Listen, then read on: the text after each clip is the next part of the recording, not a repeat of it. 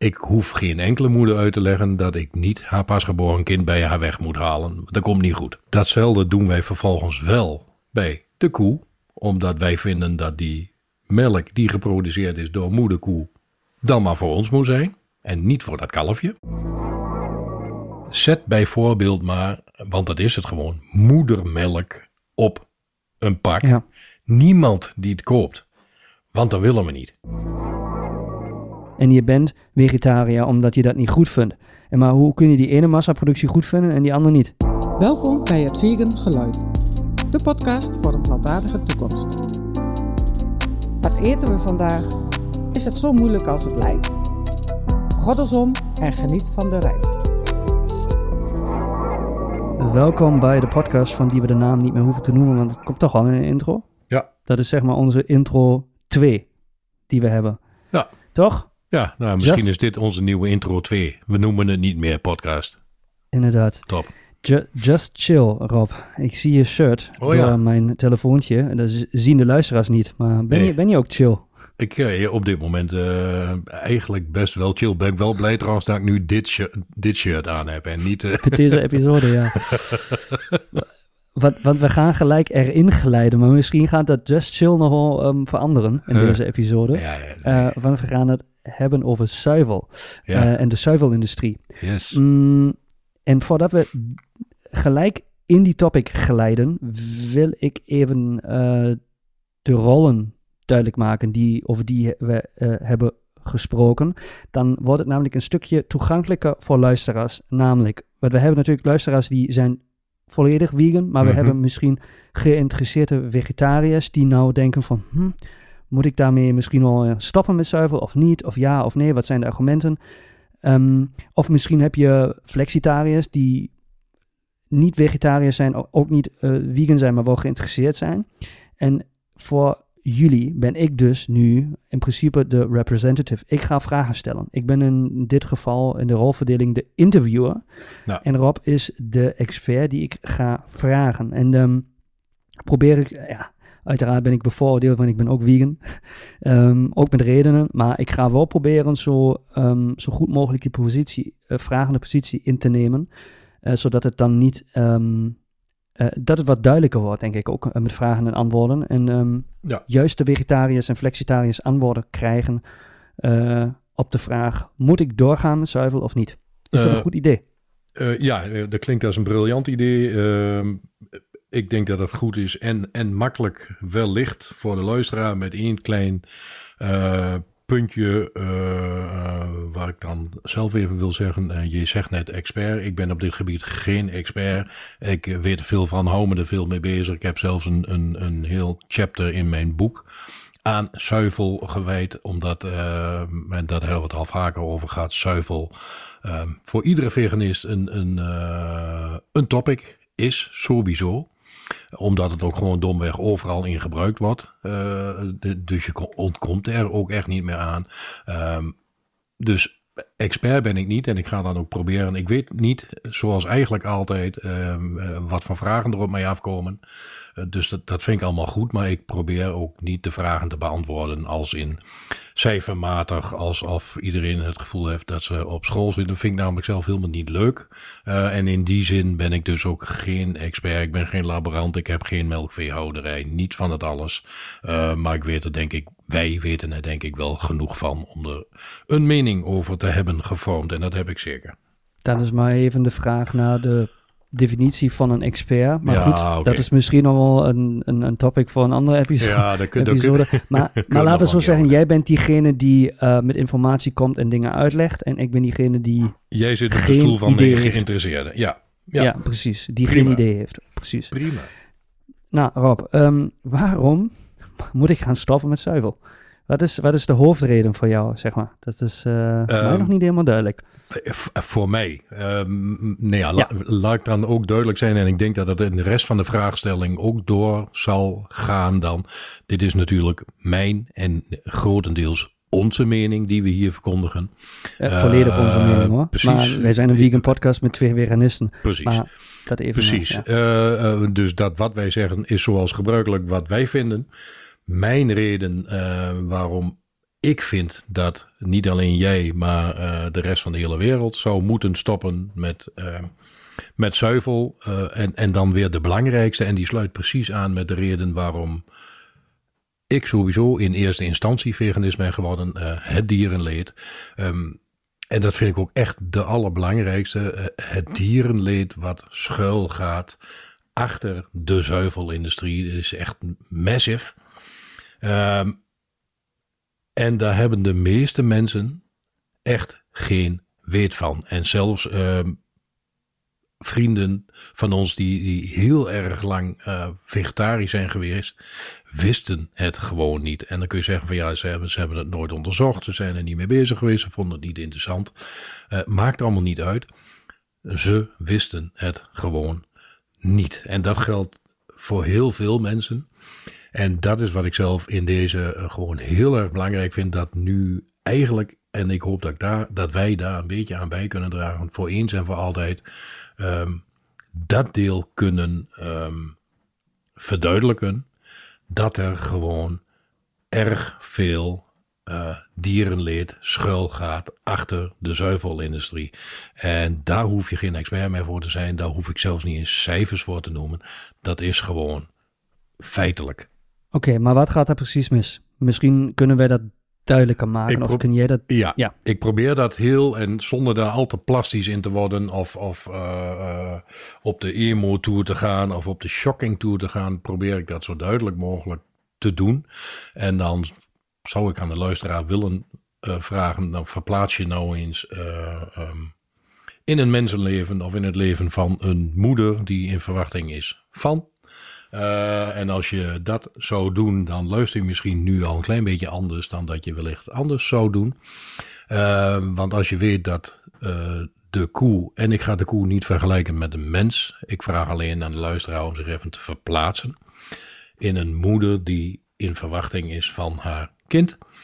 Um, en als je dan weet dat een koe dezelfde draagtijd heeft als een gewoon mensenmoeder, uh, dan kun je daar wellicht ietsje makkelijker in verplaatsen. En wat er dan vervolgens gebeurt, een aantal mm. dingen. Uh, uh, de melkveehouderij en de zuivelindustrie is gebaseerd op um, winst, winst, winst. Het verkopen van zoveel mogelijk melk. Nou, nou heeft niemand er misschien ooit over nagedacht, maar een koe geeft van nature geen melk. En dit is misschien al een enorme eye-opener. uh, het beest geeft geen melk. Uh, melk groeit ook niet uh, in pak aan de boom. Voor veel mensen misschien nu nog weer wat nieuws. Het komt van de koe, maar dat gaat niet vanzelf. Die koe die moet namelijk, net als wij mensen, daar zwanger voor zijn. En dat is dan precies waar het in eerste instantie al direct misgaat. Want dat is niet geen gewenste zwangerschap. In 9 van de 10 keer. Eh, die moeder koe vraagt daar niet eens zozeer om. Die wordt gewoon kunstmatig geïnsemineerd. Uh, nou, daar vind ik wat van. Uh, want het is niet uh, met wederzijds goed vinden. En die koe die kan ook niet zeggen van, nou nee, heb ik liever niet. Dus dat gebeurt. Punt. Mm -hmm. Die wordt zwanger gemaakt. Vervolgens is die koe negen maanden zwanger. En gaat dan net als wederom de mens melk produceren. Nou, uh, dat vind ik al shocking. Uh, want wie zijn wij dat wij dat maar gaan uh, beslissen voor dat beest? Dus dat is één. Dus wij, even onderbreken, mm -hmm. wij, wij grijpen dan dus in, in de natuur ja. en spelen in principe God. Uh, zou je dat kunnen zeggen? Nou ja, ja, zo zou je het een klein beetje kunnen zeggen. Want het is A, niet met wederzijds goed vinden. En dan kun je zeggen, ja, ja, maar die koe die kan toch een ja of nee zeggen. Maar we kunnen allemaal bedenken dat die koe dat ook niet zo fijn vindt. Want wederom, en dan gaan we even weer terug. Verplaats je nou even in dat mensenmens. Um, die wil ook niet uh, ieder jaar kunstmatig geïnsemineerd worden uh, zonder toestemming. Dat, dat ja. lijkt mij heel duidelijk. Dus dat gebeurt en daar spelen wij dan inderdaad een klein beetje uh, voor God. Um, en ik zeg dan altijd, wie gaf ons dat recht? Nou, niemand, maar we doen het wel. Voor de industrie ja. en voor de knaker. Want dat is wat erachter zit. Nou, dat is één. want anders geeft de koe geen melk. Dan geeft die koe melk. Um, en dan wordt ook nog direct binnen zoveel uur, en dat is nog veel meer shocking, en dat weet al helemaal bijna niemand, dat kalfje bij de moeder weggehaald. Dus dat kalfje wat net geboren is, uh, en dan wederom, blijf even in de mindset van verplaats je nou eens in dat mensenmens. Um, nou, ik hoef geen enkele moeder uit te leggen dat ik niet haar pasgeboren kind bij haar weg moet halen. Dat komt niet goed. Datzelfde doen wij vervolgens wel bij de koe, omdat wij vinden dat die melk die geproduceerd is door moederkoe dan maar voor ons moet zijn en niet voor dat kalfje. Dus dat kalfje wordt gewoon weggehaald. Nou, dat is trauma alom voor zowel dat kalf als de moeder. Ja. Wat is uh, een korte tussenvraag? Mhm. Wat is gangbaar als je de natuur de gang laat gaan? Hoe, weet je hoe lang dan een kalfje bij de moeder blijft? Die zorgt tot eigenlijk net als baby's op een gegeven moment sterk genoeg is om zelf te lopen, om alles zelf te doen. Uh, En sterk en krachtig genoeg is. En dat is ook dingetje, kun je misschien straks nog wel op, op, op terugkomen. Um, dat is ook waarom bijvoorbeeld koemelk echt iets heel anders is. En dat is ook essentieel voor dit verhaal en waarom ik er zoveel mm. moeite mee heb. Uh, koemelk is geen mensenmelk en het is beide moedermelk. En op het moment dat je de term moedermelk gebruikt, dan schrikt sowieso iedereen al. Want je drinkt toch geen moedermelk? Nou, dat doen we dus wel. Alleen van een andere soort, van de koe. Ja. En die is eigenlijk bedacht voor dat kalfje. Dus in de normale wereld, waar alles goed zou gaan en in de natuur, um, krijgt dat kalfje moedermelk van de koe. Uh, en daar zitten hele andere stoffen in dan wij als mensen gewend zijn. Uh, nodig voor die koe, want die natuur die kan dat namelijk prima bedenken hoe dat werkt. Ja. Dus die heeft dat bedacht voor dat kalfje en niet voor ons. Ja. Dus dat kalfje groeit als een malle, uh, zou die de moeder van zijn, of de, de melk van zijn moeder krijgen. Nou, dat gebeurt dus niet, want dan wordt die weggehaald, want um, die melk is dan voor de melk drinkende mens. Moedermelk drinkende mens van de koe. Vervolgens, en het, het, het wordt wel uh, steeds meer shocking, vind ik. En ook daarin zal ik dan weer proberen niet al te plastisch te zijn, maar het is wat het is in iedere melkveehouderij. En niet alleen maar in de grote stallen in Amerika, maar ook in Nederland en ook bij de wat kleinere boerderijen. Overal gebeurt hetzelfde. In tegenstelling tot wat ze allemaal zeggen in de mooie reclames. Overal gebeurt hetzelfde. Kalfje wordt weggehaald. Als het kalfje ook nog het pech heeft, de pech heeft dat het een stiertje is. Dus een mannetje, dan is die sowieso al niet meer geschikt voor de zuivelindustrie. Um, dan worden die kalfjes die worden direct weggehaald. En um, die gaan naar veehouderijen in, kalfveehouderijen. Nou, dan kun je bedenken uh, waar die voor zijn. Uh, die zijn niet bedacht om die kalveren groot te laten worden. Een enkeling als uh, melkkoe.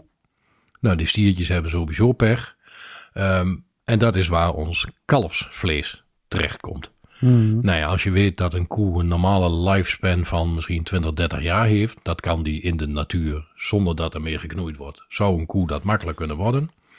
Um, nu is het zo dat dat kalfje nog niet eens een jaar wordt, want wij willen los van die zuivel ook kalfsvlees eten. Dus het kalfje die geboren moet worden zodat moederkoe zuivel kan produceren voor ons, dat kalfje is niets anders dan een bijproduct van de zuivelindustrie, die geslacht wordt zodat we hem kunnen opeten. Een enkeling wordt de volgende uh, zuivelkoe, zeg maar. Zo moet je het zien. Ja. Als ze dat al redden. En dan kun je vragen van, nou, hebben ze dan geluk of hebben ze dan geen geluk? In, in beide gevallen is het niet zo ontzettend cool. Dus zou het kalfje nu geluk hebben dat ze opgegroeid als de volgende melkkoe, dan komt er weer een feitje aan de orde, wat ook overal bij groot en kleine zuivelindustrie precies hetzelfde is. Die koe wordt ieder jaar opnieuw, en dat kan al vanaf een jaar, dus dat kalfje waar ik net over had, stel dat hij het geluk heeft dat zij mag blijven leven, uh, dan wordt hij ook weer binnen een jaar uh, kunstmatig geïnsemineerd, om zodoende ook zo snel mogelijk weer melk te kunnen geven. Nou, en dat kun je bij een koe ongeveer vijf jaar doen. Mhm. Dus je kunt een zuivelkoe vijf keer zwanger maken, ongeveer. Misschien ietsje meer als je er heel, heel erg eh, eh, druk mee bent en heel veel zuivel uit wil hebben. Ehm, dus moederkoe is niets anders meer dan een enorme grote eh, zuivelmachine die constant haar uiers op spanning heeft, omdat daar melk in zit. Nou, ook dat hoef ik niet terug te vertalen naar een zwangere vrouw die borstvoeding geeft. Daar zit niemand om te wachten om dat je hele leven te doen. Na die vijf jaar waar ik het net over heb, ongeveer vijf jaar, dan neemt de melkproductie af. Ook dat is een natuurlijk proces, want die koe die is compleet eh, eh, uitgewoond en uitgeleefd eh, voor ons. En dan is die koe dus niets meer waard, want die produceert niet meer. En dan gaat ook moederkoe, die vijf jaar lang haar best heeft gedaan, ehm, die gaat naar de slacht. Want die vreet me dan ook alsnog gewoon even op. en dan is het volgende kalfje aan de beurt. Maar Rob, Yes. het is, het is toch veehouderij? Het, zijn de, het is toch het vee? Het is een gebruiksdier. Dat is toch volledig normaal? Of niet? Ja, dat zou eh, inderdaad. eh, helaas is dat door de grote marketing eh, en lobbymachine die erachter zit. En dan met name in de zuivelindustrie, want dat is een, echt een enorme lobby, zelfs tot in de politiek door. ehm, is het hier, en daar gaat het wel vaker mis, vinden wij dit normaal?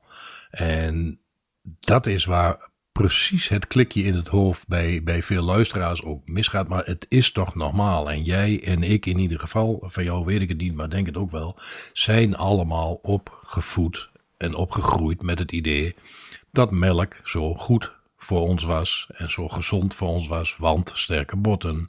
Ehm, en, en dat is niets anders dan de lobby en de marketing achter de zuivelindustrie. Daar gaat miljoenen in om.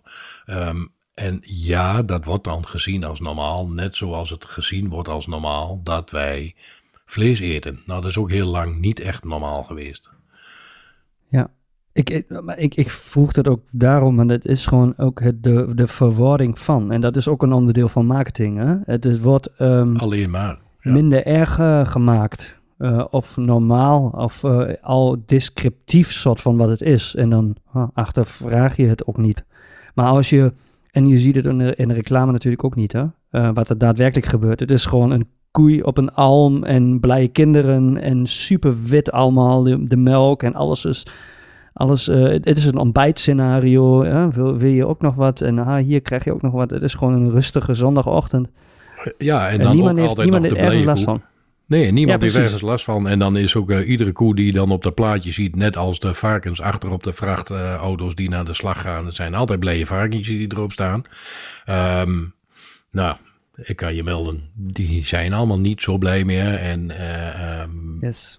maar goed, dat lijkt zo. En dat Alpenweetje en de Milka-koe, iedereen kent hem natuurlijk. Ja, die is dan, die is dan eh, paas of lila of, was- wat is dat beest. Dat is, dat is dan niet helemaal normaal. Maar het zijn, het zijn allemaal, allemaal blije, blije koeien. En een belletje om de nek en die loopt daar in de Alpenwei. En dan komt Heidi toevallig ook nog langs die een liedje zingt. Ja, het is, het is fantastisch. Het is fantastisch. Maar zo is het niet in het echte leven. Maar dat wordt ons al wel heel erg lang wijsgemaakt. Dat dat is wat het is. Ja. Dus eigenlijk Ja. is het één grote, één grote klucht. Leugen, weet ik veel hoe je het wilt noemen. Ja, leugen klinkt weer een beetje zwaar, maar dat is, dat is wel een beetje wat het is. En verpak het maar mooi, dan, eh, dan lijkt het wat. En Ja, ik, ik kan nog, ik- omdat we het daar net over hebben, sorry. ehm. Ik ben net aan het opzoeken. ehm, de kleur lila eh, of violette heeft verschillende betekenissen in de marketing. Je kunt kleuren in, inzetten voor, voor normaal. Lila gebruik je voor ehm, verschillende dingen. Mysterieus en, en ehm bladibla. Maar ook voor eh, Mhm. Eh, omdat de kleur in de natuur minder vaak voorkomt, Ja. eh, wordt het Ja, gebruikt ja, voor eh, luxury. Luxury items, Bij, zeg maar. Ja, bijvoorbeeld. Ik vind het mooi dat het opzocht. Ik wist niet dat dat erachter zit. Ik kon me wel zoiets bedenken. Maar zo werkt marketing. En dat gebeurt echt allemaal heel bewust. En daar denkt heel. Dat is ook de kracht van marketing uh, trouwens. Als dat vanzelf gaat, dan, uh, dan doe je het goed. Um, alle marketing en dan met name die ook van de zuivelindustrie. Melk is goed voor elk. De Nederlandse slogan die echt iedereen kent. Dus dat hebben ze knettergoed gedaan. Hij klopt alleen voor geen meter. Ja. Inderdaad. Maar Rob, eh, andere vraag. Maar Mhm. ik, ik haal mijn melk eh, en mijn vlees wel van een boerderij waar, waar het wel allemaal goed gaat. Ja. Wat zeg je daarvan dan? Nou ja, dat zeg ik sowieso. Waarschijnlijk ben je dan nog niet echt heel erg binnen geweest. Want ook bij diezelfde boerderij waar het heel erg goed gaat. En ik heb zelf ooit naast een boerderij gewoond. Dus ook de kleinschalige boer ken ik wel. En ja, dat vind ik al een stuk beter dan de grote boerderij. Als je dan toch melk wilt hebben. Dus eh, laat ik dat er ook dan direct even bij zeggen. Ehm, maar ook daar wordt moederkoe eh, kunstmatig geïnsemineerd. Ook daar wordt 9 van de 10 keer het kalfje gewoon weggehaald. Dus dat is net zo shocking. We doen dat voor ons en niet voor die koe. En dat is wat er misgaat. Hmm. Tenminste, dat is wat er misgaat in mijn beleving. En dan klopt die hele marketingmachine. Maar ja, ehm, kleinschalig kopen, en dat geldt voor al die dingen, eh, is, is beter dan eh, bij de grote eh, massa. Dat snapt volgens mij ook iedereen wel. En dat snappen steeds meer mensen gelukkig. Maar nog veel beter zou zijn, en daar wil ik, willen wij graag naartoe.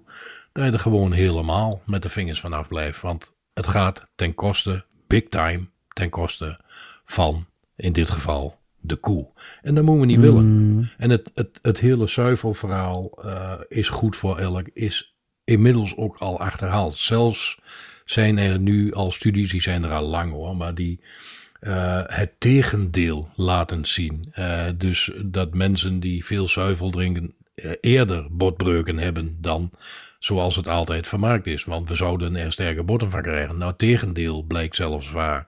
Het is de grootste trigger voor bijvoorbeeld benauwdheid, acne, bronchitis, hartaanvallen, verschillende soorten kankers. ehm, en zonder daar al te diep op in te gaan. Maar dit zijn gewoon allemaal studies. Dus het is één groot eh, bullshit verhaal. ehm, eh, om een goede term te gebruiken. Ja. Dus ik, ik, ik hoop dat mensen nu eens zien ook wat er schuil gaat achter de productie van melk. En ook het woordje melk alleen al. Zet bijvoorbeeld maar, want dat is het gewoon, moedermelk op een pak. Ja. Niemand die het koopt. Want dat willen we niet.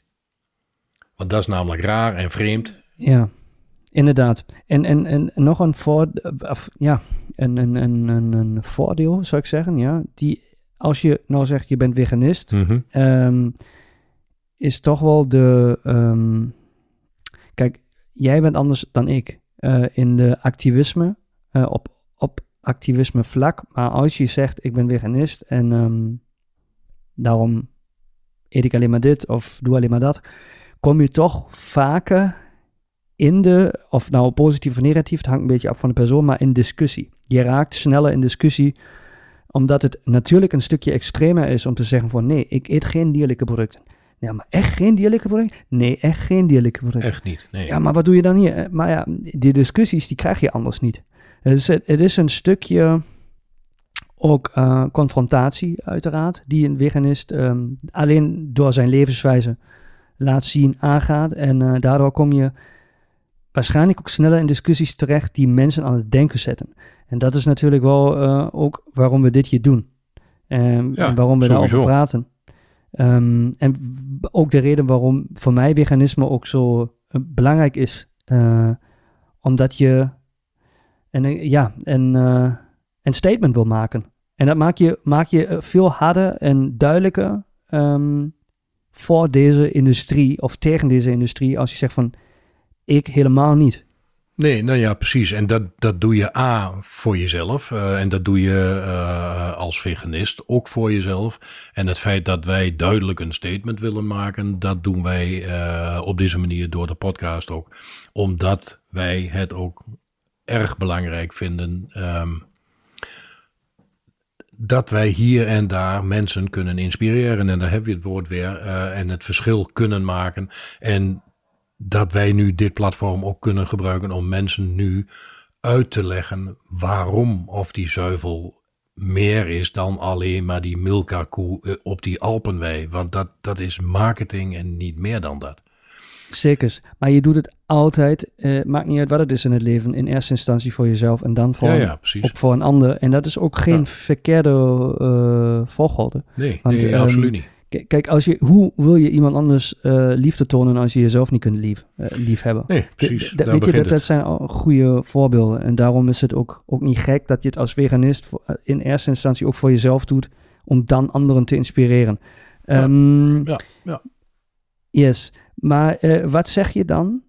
En, en je, als je nog andere dingen daarover wil zeggen, dan, dan moet je die vooruitschrijven. Maar wat zeg je dan, ehm, of wat voor tips geef je dan een vegetariër mee, die nou aan het luisteren is en zegt van, ah ja, maar dat voor melk en kaas, dat, dat vind ik zo lekker, dat kan, kan ik niet weglaten. Eh, ja, dan moet ik even tweedelig antwoord op geven. Want ik- ben blij dat je me eh, aanstipt. Want het is iets, eh, en voor mensen die vaker luisteren, hebben dat ook wel eens aan mij gemerkt. Dat ik dit echt een lastige vind. En ik gaf net al aan dat ik eh, vrienden heb die eh, vegetarisch zijn geweest, heel erg lang. En mede door gesprekken met ons nu ook vol vegan zijn. Mm. Ehm, wat ik zou zeggen tegen. En daarom ben ik blij dat deze uitzending er nu is. En, en dat meen ik echt oprecht. Daarom staat deze voor mij al heel lang op het lijstje. Lees jezelf nu eens in. Weet nu ook als vegetariër wat er schuil gaat achter de zuivelindustrie. Want veel vegetariërs weten het gewoon niet. En ik, weet, ik, ik denk niet dat dat onwil is, want vegetariërs, en dat ook al vaker aangestipt zijn, tuurlijk gewoon ook hartstikke goed bezig. En eh, iedereen nog een keer mag doen wat hij zelf wil. Ehm, maar als je dan al vegetariër bent, dan denk je dus blijkbaar al na over de vleesindustrie.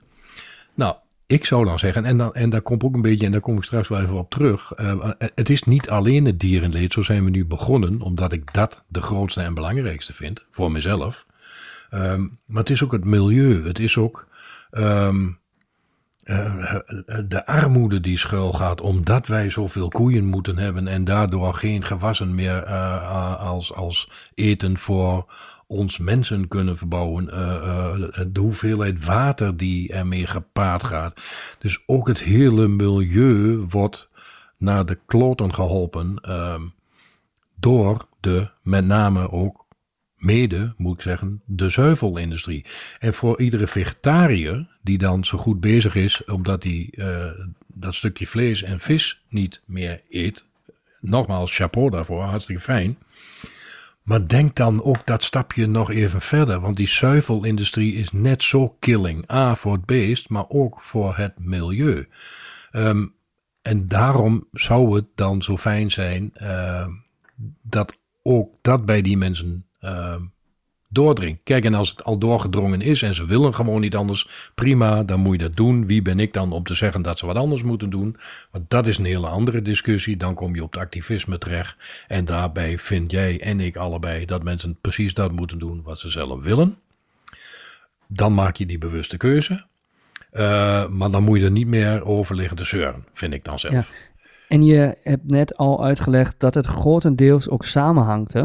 De zuivelindustrie en uh, het slachten. En um, dus in feite, als je alleen Ja, maar ja. zegt van je eet geen vlees meer, verander jij uh, nog iets te weinig eigenlijk. Omdat het samenhangt en um, In als je beleving, volledig zou... ja.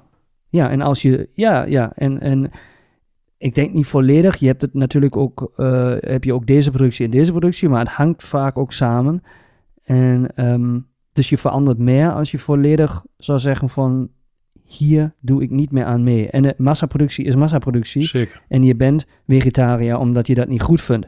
En maar hoe kun je die ene massaproductie goed vinden en die andere niet? Nou ja, precies. En dat is dan weer eh, in mijn beleving die cognitieve dissonantie of onwetendheid, een van de twee. Uh, ik denk onwetendheid. ja, of, ja, niet, ja, of niet willen het kan. zien, het, of Het misschien kan. ook niet willen weten omdat het zo lekker is. Omdat het zo lekker is, uh, uh, precies. M maar dat is het deel wat ik erg. Waar je jeuk van krijgt. Uh, ja, waar ik jeuk van krijg. Uh, ik, dat zeg ik inderdaad vaak op die manier, maar wat ik ook gewoon erg lastig vind. Um, ja. En, en, dat is ook het moment dat je dan de discussie met mij niet meer op een leuke manier snel aan kunt gaan. Want dan word ik ook fel, dan word ik ook fanatiek. En dan leg ik ook uit met feiten en alles erbij, want daar ben ik wel onderboot genoeg in. Van weet nu dan waar je aan toe bent, want uh, je zegt A, maar je doet B. En dat vind ik lastig, maar dat vind ik altijd lastig.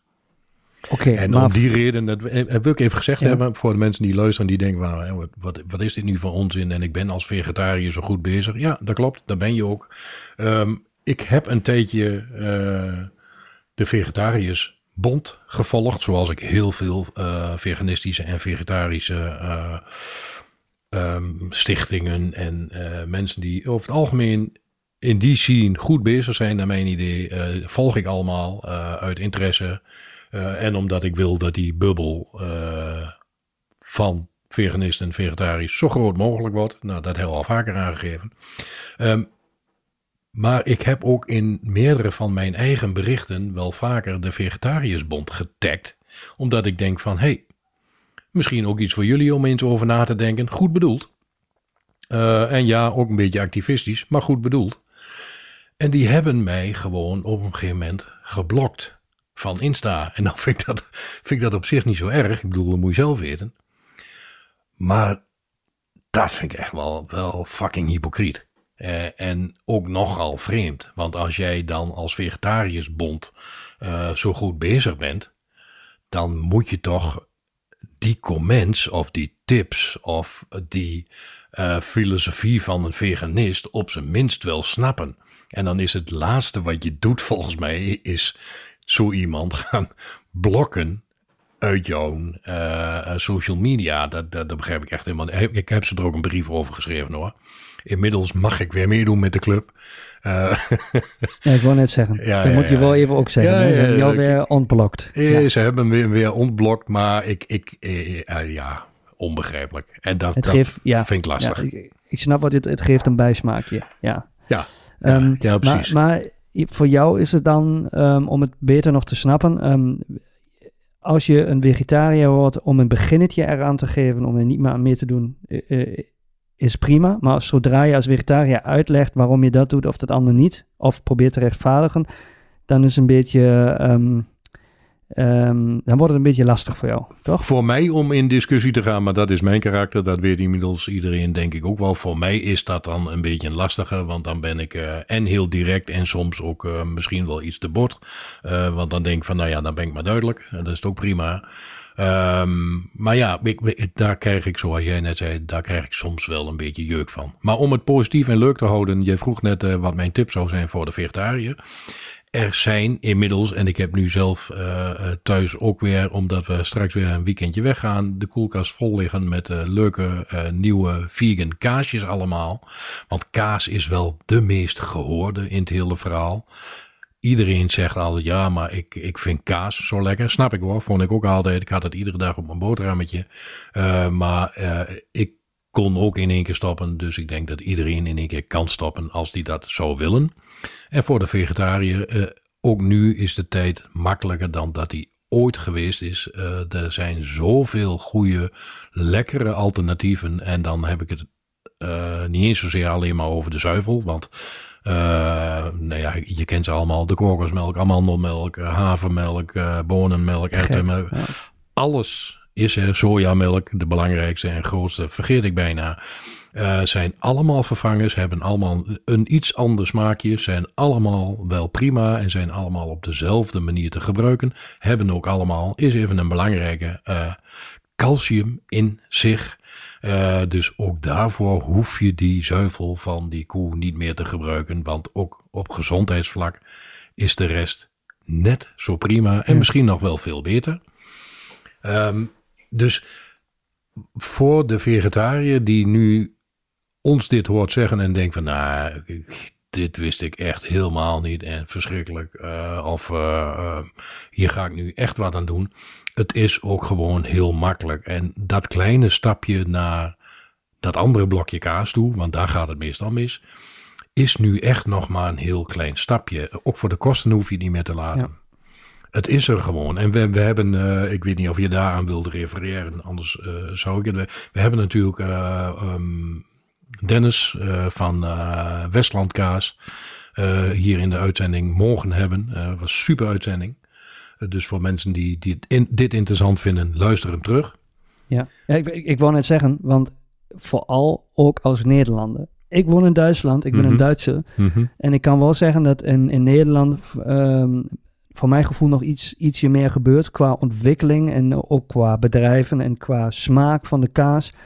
Jullie zijn goed bezig, man. Eh, en dan wees trots op, eh, op je eigen land en kies gewoon die vervangende producten en ondersteun die ontwikkeling die Ondersteun dat. heel ja. erg eh, hard aan- gaande is. Ja. En als die en als Rob zijn ehm, uitvoeringen nog niet heftig genoeg waren, hebben wij ook nog in de ja, hebben wij ook nog. Het is natuurlijk het voordeel van een podcast. Je kunt het op een matige manier eh, slikken, Ja. die informatie. Maar dan kun je natuurlijk ook al die docu's nog bekijken, waar we ook recensies over hebben gedaan, bijvoorbeeld Cowspiracy.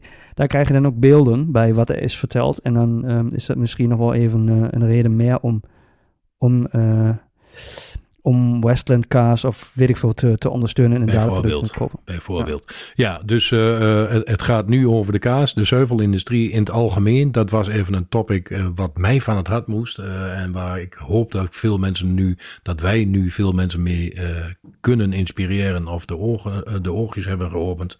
Ehm, en, want ik, ik denk dat het meeste nu wel gezegd is. De rest komt ongetwijfeld allemaal nog wel eens een keer weer voorbij. De show notes, daar komen ehm, alle links die ik wil plaatsen, zet ik er wel in. Dus de Conspiracy waar we het al over hebben gehad. Ik refereer nog wel een keer weer naar onze eh, Wild Westland en Vegan Cowboys uitzending die te gek was.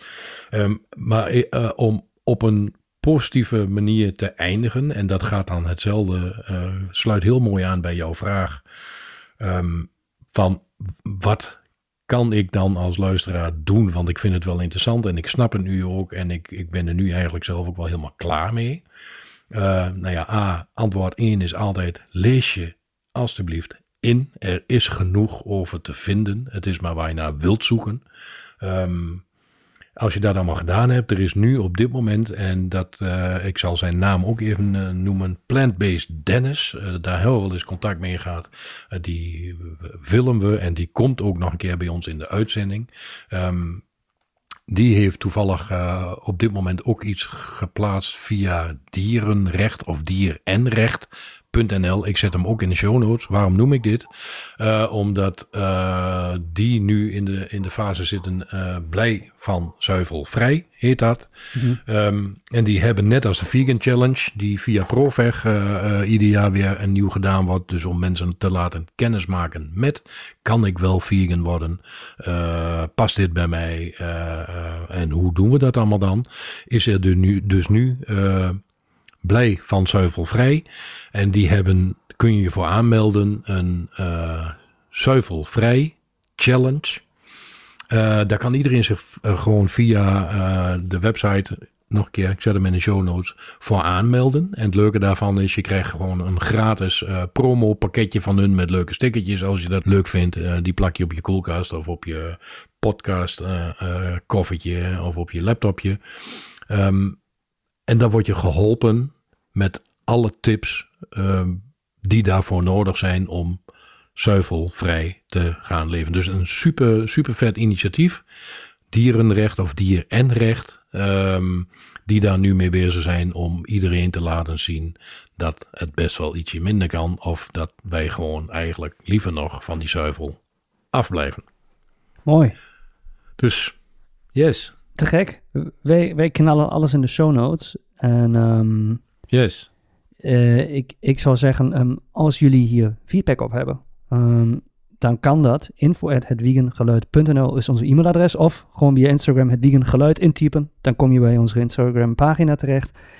En dan graag een berichtje onze kant op. Of eh, in aanmerking, eh, of in reactie op deze episode. Of je hebt een aanvulling, of je hebt een voorstel voor een topic. Want wij, eh, wij zijn toch elke om de twee weken weer verbaasd wat voor nieuwe topics ehm, door feedback, maar ook door onszelf ehm, ontstaan. eh, waar we allemaal, allebei, niet echt eh, konden zien dat zoveel topic mogelijkheden er zullen zijn. Voordat we, ja, to- toen onze eerste episode, toen we die hebben opgenomen, heb ik dat nog niet gezien. Dus er is ehm, zoveel meer wat nog gaat komen. Dus dat is superleuk. Dus bedankt voor het luisteren. Dankjewel. Alright Rob, ik eh, spreek je de volgende keer. Jo, doei. Joe.